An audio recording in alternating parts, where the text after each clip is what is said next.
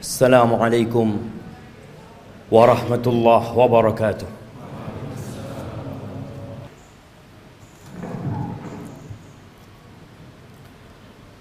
إن الحمد لله نحمده ونستعينه ونستغفره ونعوذ بالله من شرور أنفسنا وسيئات أعمالنا. من يهد الله فلا مضل له ومن يضلله فلا هادي له. وأشهد أن لا إله إلا الله وحده لا شريك له. له الملك وله الحمد وهو على كل شيء قدير. وأشهد أن محمدا عبده ورسوله وحبيبه وخليله. صلوات ربي وسلامه وبركاته عليه وعلى آله وأصحابه ومن تبعهم بإحسان إلى يوم الدين. أما بعد فيا عباد الله أوصيكم ونفسي بتقوى الله فقد فاز المتقون. وهي manusia-manusia yang beriman. Saya wasiatkan kepada diri saya dan kepada semua yang hadir di tempat ini agar senantiasa bertakwa kepada Allah Azza wa Jalla. Hanya mereka yang diterima amalannya. Hanya mereka yang akan hidup berbahagia. Hanya mereka orang-orang yang sukses di dunia dan di akhir. Allah Jalla Jalaluh mengulangi perintahnya dan para rasul menyampaikan berulang kali. Dan para pewaris nabi disampai diteruskan perintah itu untuk mereka. Ya ayyuhalladzina amanu taqullah wahai orang-orang yang beriman bertakwalah kalian kepada Allah. Kalimat yang sering kita dengar yang terus diulang-ulang. Karena kita memang sering lupa haqqa tuqatihi. Ketakwaan yang sebenarnya. Bukan sekedar tulisan yang dipampang. Bukan sekedar ucapan yang diungkapkan. Tapi sesuatu yang diyakini oleh jiwa kita. Kemudian diucapkan dengan lisan kita. Dan dipraktekkan dengan raga kita. Dan Allah mengatakan wala tamutunna illa wa antum muslimun Kalian jangan mati kecuali dalam kondisi Islam. Yang menjadi standar orang baik bukan sekarang. Tapi tatkala ajal menyebut kita. Jamaah rahimakumullah. Setiap hari kita keluar rumah kita. Orang-orang juga keluar dari rumahnya. Anak-anak juga berangkat ke sekolahan.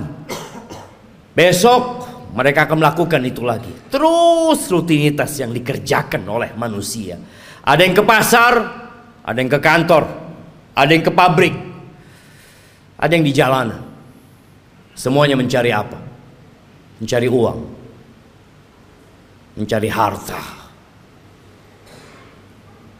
Allah telah menanamkan di dalam jiwa kita kecintaan kepada harta.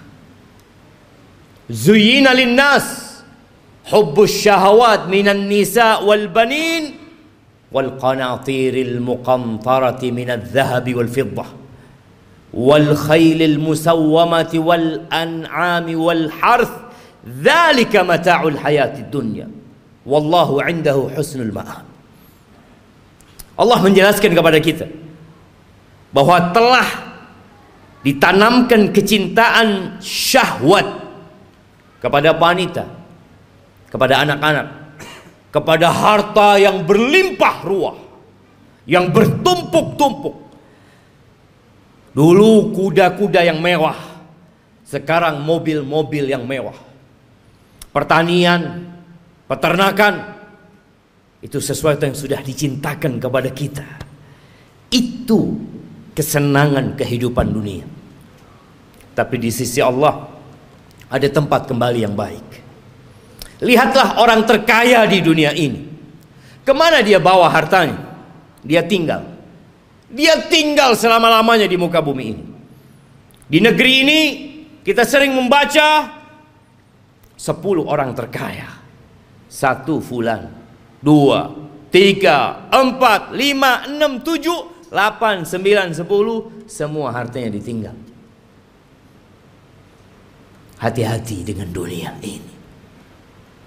Jangan sampai kita tertipu.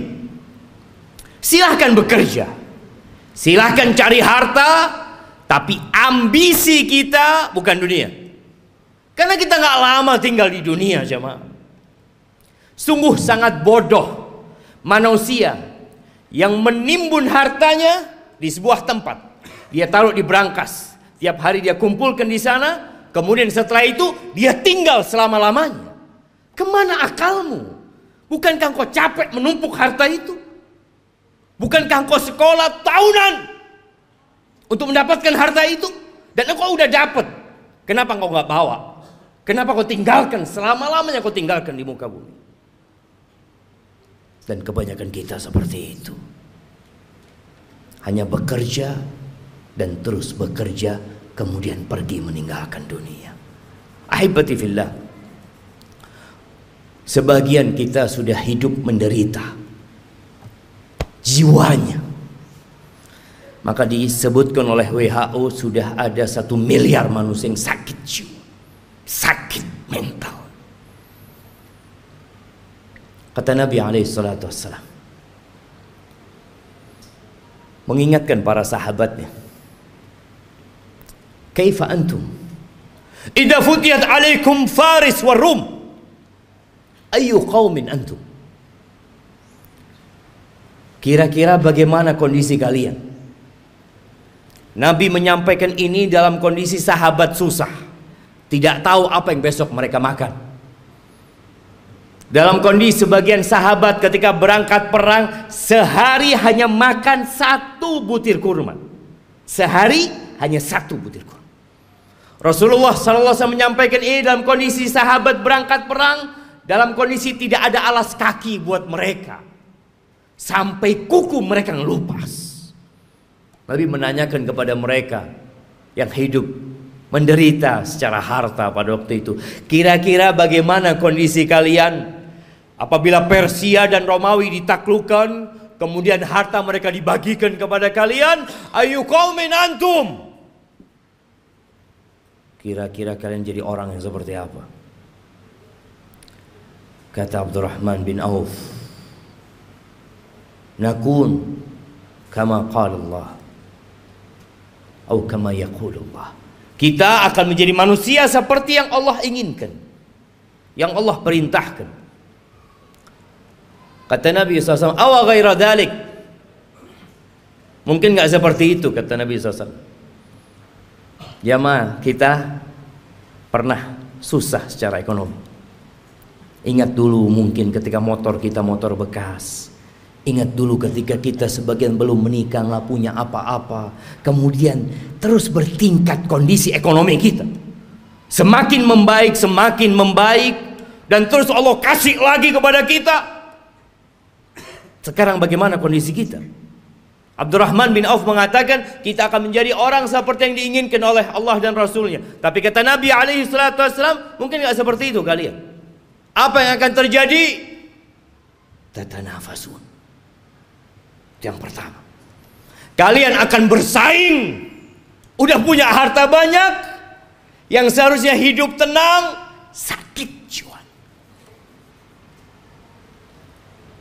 Terus dia bersaing. Motornya kepingin lebih baik dari motor orang lain. Handphonenya kepingin lebih baik dari orang lain. Hartanya kepingin lebih banyak dari orang lain. Rumahnya kepingin lebih bagus dari yang lainnya. Terus didorong oleh penyakit. Tata nafasun. Itu akan terjadi. Oke. Bersaing boleh kan. Selama kita tidak menzalimi orang lain. Tapi Nabi SAW mengatakan itu hanya awal yang akan terjadi. Yang kedua, thumma tatahasadun. Kalian akan saling hasut setelah itu. Karena dunia ini sempit. Kursi-kursi itu terbatas. Kalau sudah ada yang duduk di sana, yang lain nggak bisa duduk di situ. Dia harus turunkan dia. Dia harus menggantikan posisi itu. Kalian akan saling hasut. Kita lihat orang-orang yang di pasar. Bagaimana kondisi jiwa mereka yang mungkin tampak sehat-sehat menurut kita, tapi sakit jiwanya. Nabi menyampaikan kalian akan saling iri. Kalian akan saling hasut. Gak suka orang lain lebih baik dari dia daripada sisi. Gak suka dia. Padahal saudaranya muslim. Yang seharusnya dia bergembira dengan kegembiraan saudaranya. Yang seharusnya dia cinta kepada saudaranya. Seperti dia mencintai diri dia sendiri. Tapi itu tidak terjadi kalian akan hasut, akan iri. Selesai enggak? Yang ketiga, thumma tatadabarun. Kalian enggak saling bertegur sapa. Enggak kepingin ketemu. Kalau ketemu sama saudaranya sakit hatinya. Selesai? Belum. Yang keempat, yang akan dibawa pulang, yang akan dibawa tidur, yang akan dibawa makan, thumma tatabaghadun. Kemudian kalian akan saling membenci. Kalian akan bermusuhan dengan saudara kalian sendiri. Ahibati. Itu penyakit yang sudah menimpa kita. Nabi alaihissalatu mengatakan dabba ilaikum da'ul umam. Sudah menyerang kalian penyakit-penyakit umat yang sebelumnya.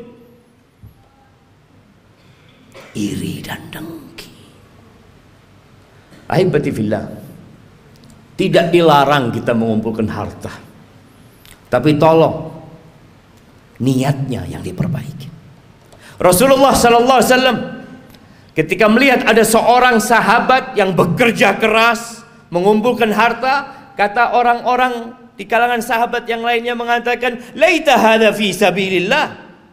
Aduhai kalau kekuatan dia, energi dia itu disalurkan di jalan Allah, di jihad fi sabilillah. Maka Nabi mengatakan kepada para sahabatnya, Laukana yas'a. Kalian tahu kalau orang ini keluar bekerja dalam rangka memberikan nafkah kepada kedua orang tuanya yang udah sepuh, fahuwa fi. Dia di jalan Allah. Yang kedua, laukana kharaj yas'a ala auladin lahu sigar. Kalau dia bekerja dalam rangka niatnya memberikan nafkah kepada anak-anak yang masih kecil, fahuwa fi sabilillah dia di jalan Allah. Jangan diremehkan dia bekerja. Yang ketiga, in kana kharaja yas'a yu'iffa nafsah. Kalau dia keluar bekerja dalam rangka menjaga kehormatan dirinya agar dia tidak jadi benalu di masyarakat, dia tidak menyusahkan orang lain, dia sedang ingin menjaga kehormatan dirinya, nggak ingin minta-minta sama orang. Fahuwa fi. Maka dia pun di jalan Allah. Tapi yang keempat, in kana kharaja riaan wa mufakharatan. Tapi kalau dia kerja dalam rangka ria pamer, dalam rangka berbangga-banggaan dengan harta dia, fahuwa fi sabili syaitan. Maka dia di jalan syaitan. Jangan sampai tiap hari kita keluar rumah kita, kita sedang berada di jalannya syaitan bekerja hanya untuk berbangga-banggaan, hanya untuk pamer kepada orang lain. Aku lu qauli hadza wa astaghfirullah li wa wa lisairil mu'minin wal mu'minat fastaghfiruh innahu huwal ghafurur rahim.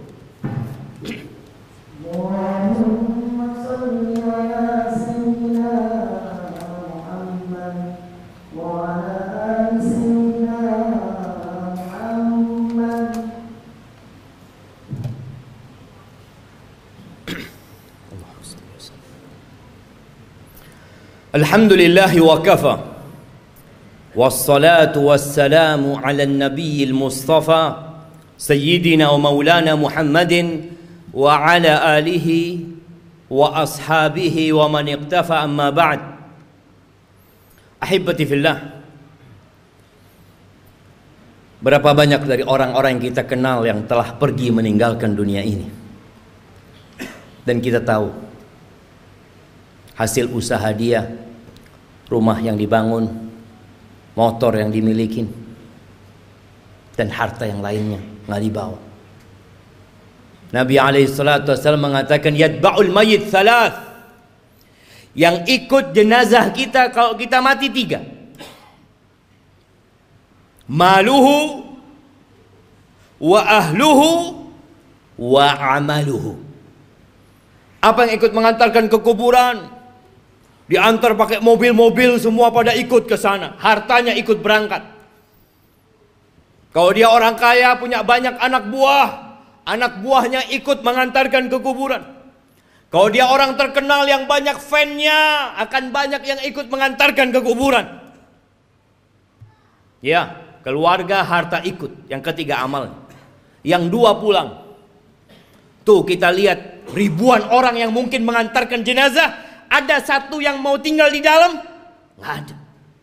Anaknya mungkin, orang tuanya mungkin, kawan dekatnya nggak ada. Anak buahnya yang dia kasih bayaran, yang terus dibayar, mau menemani majikannya di dalam kuburan nggak ada. Siapa yang menemani? Amaluhu, bas amalnya. Maka segera beramal. Badiru bil amal. Kata Nabi SAW, segera kalian beramal. Segera. Fitanan kakita illailil muzlim. Sebelum datang fitnah-fitnah. Ujian-ujian. Kekacauan-kekacauan yang seperti potongan malam yang gelap gulit. Apa yang terjadi ketika datang fitnah itu jemaah? Kalau kita menunda-nunda beramal, menunda-nunda hijrah kita, menunda-nunda untuk berubah jadi orang baik, yusbihur rajulu mu'minan wa yumsi kafiran. Paginya masih beriman, paginya masih beriman. Sorenya sudah kafir. Wa yumsi mu'minan wa yusbihu kafiran. Sorenya masih beriman, datang kajian mungkin dia, masih sholat asar, subuhnya sudah kafir. Kenapa itu terjadi? Yabi'u dinahu bi'aradin minad dunya. Dia jual agamanya. Dia jual. Dia barter dengan sedikit kenikmatan dunia. Nggak lagi mikir halal haram. Yang ada dalam benaknya harta, jabatan, kedudukan. Padahal semua itu akan ditinggalkan. Maka ahibati fillah. Hari ini hari Jumat. Harinya bersalawat buat Nabi alaihi salatu wassalam. Harinya dianjurkan kita membaca suratul kahfi. Baca tuh surat kahfi. Baca dengan artinya. Baca pesan-pesan Allah kepada kita. Agar kita tidak diperbudak dengan harta kita. Biasanya imam. Kalau sholat Jumat itu membaca dua surat. Sabbihisma rabbikal a'la. Dan hal ataka hadithul ghasiyah. Tolong pulang dari sini. Baca tafsirnya. Sehingga kita tahu pesan-pesan yang Allah sampaikan. Agar kita tidak lebih mementingkan kehidupan dunia. Kata Allah, "Bal tu'thiruna al-hayatad dunya."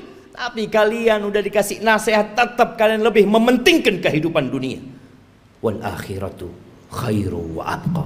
Akhirat itu lebih baik dan lebih kekal. Ahibati fillah.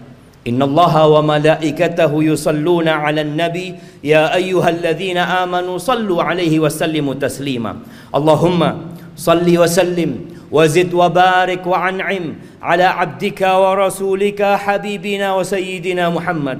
اللهم اغفر للمؤمنين والمؤمنات والمسلمين والمسلمات الأحياء منهم والأموات. إنك سميع قريب مجيب الدعوات. اللهم منزل الكتاب مجري السحاب هازم الأحزاب. اهزم أعداءك أعداء الدين يا رب العالمين.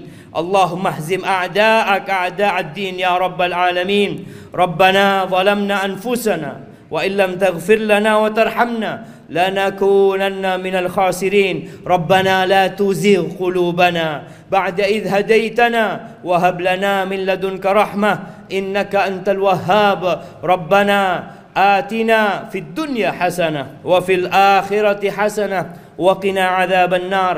وسبحان ربك رب العزة عما يصفون وسلام على المرسلين والحمد لله رب العالمين.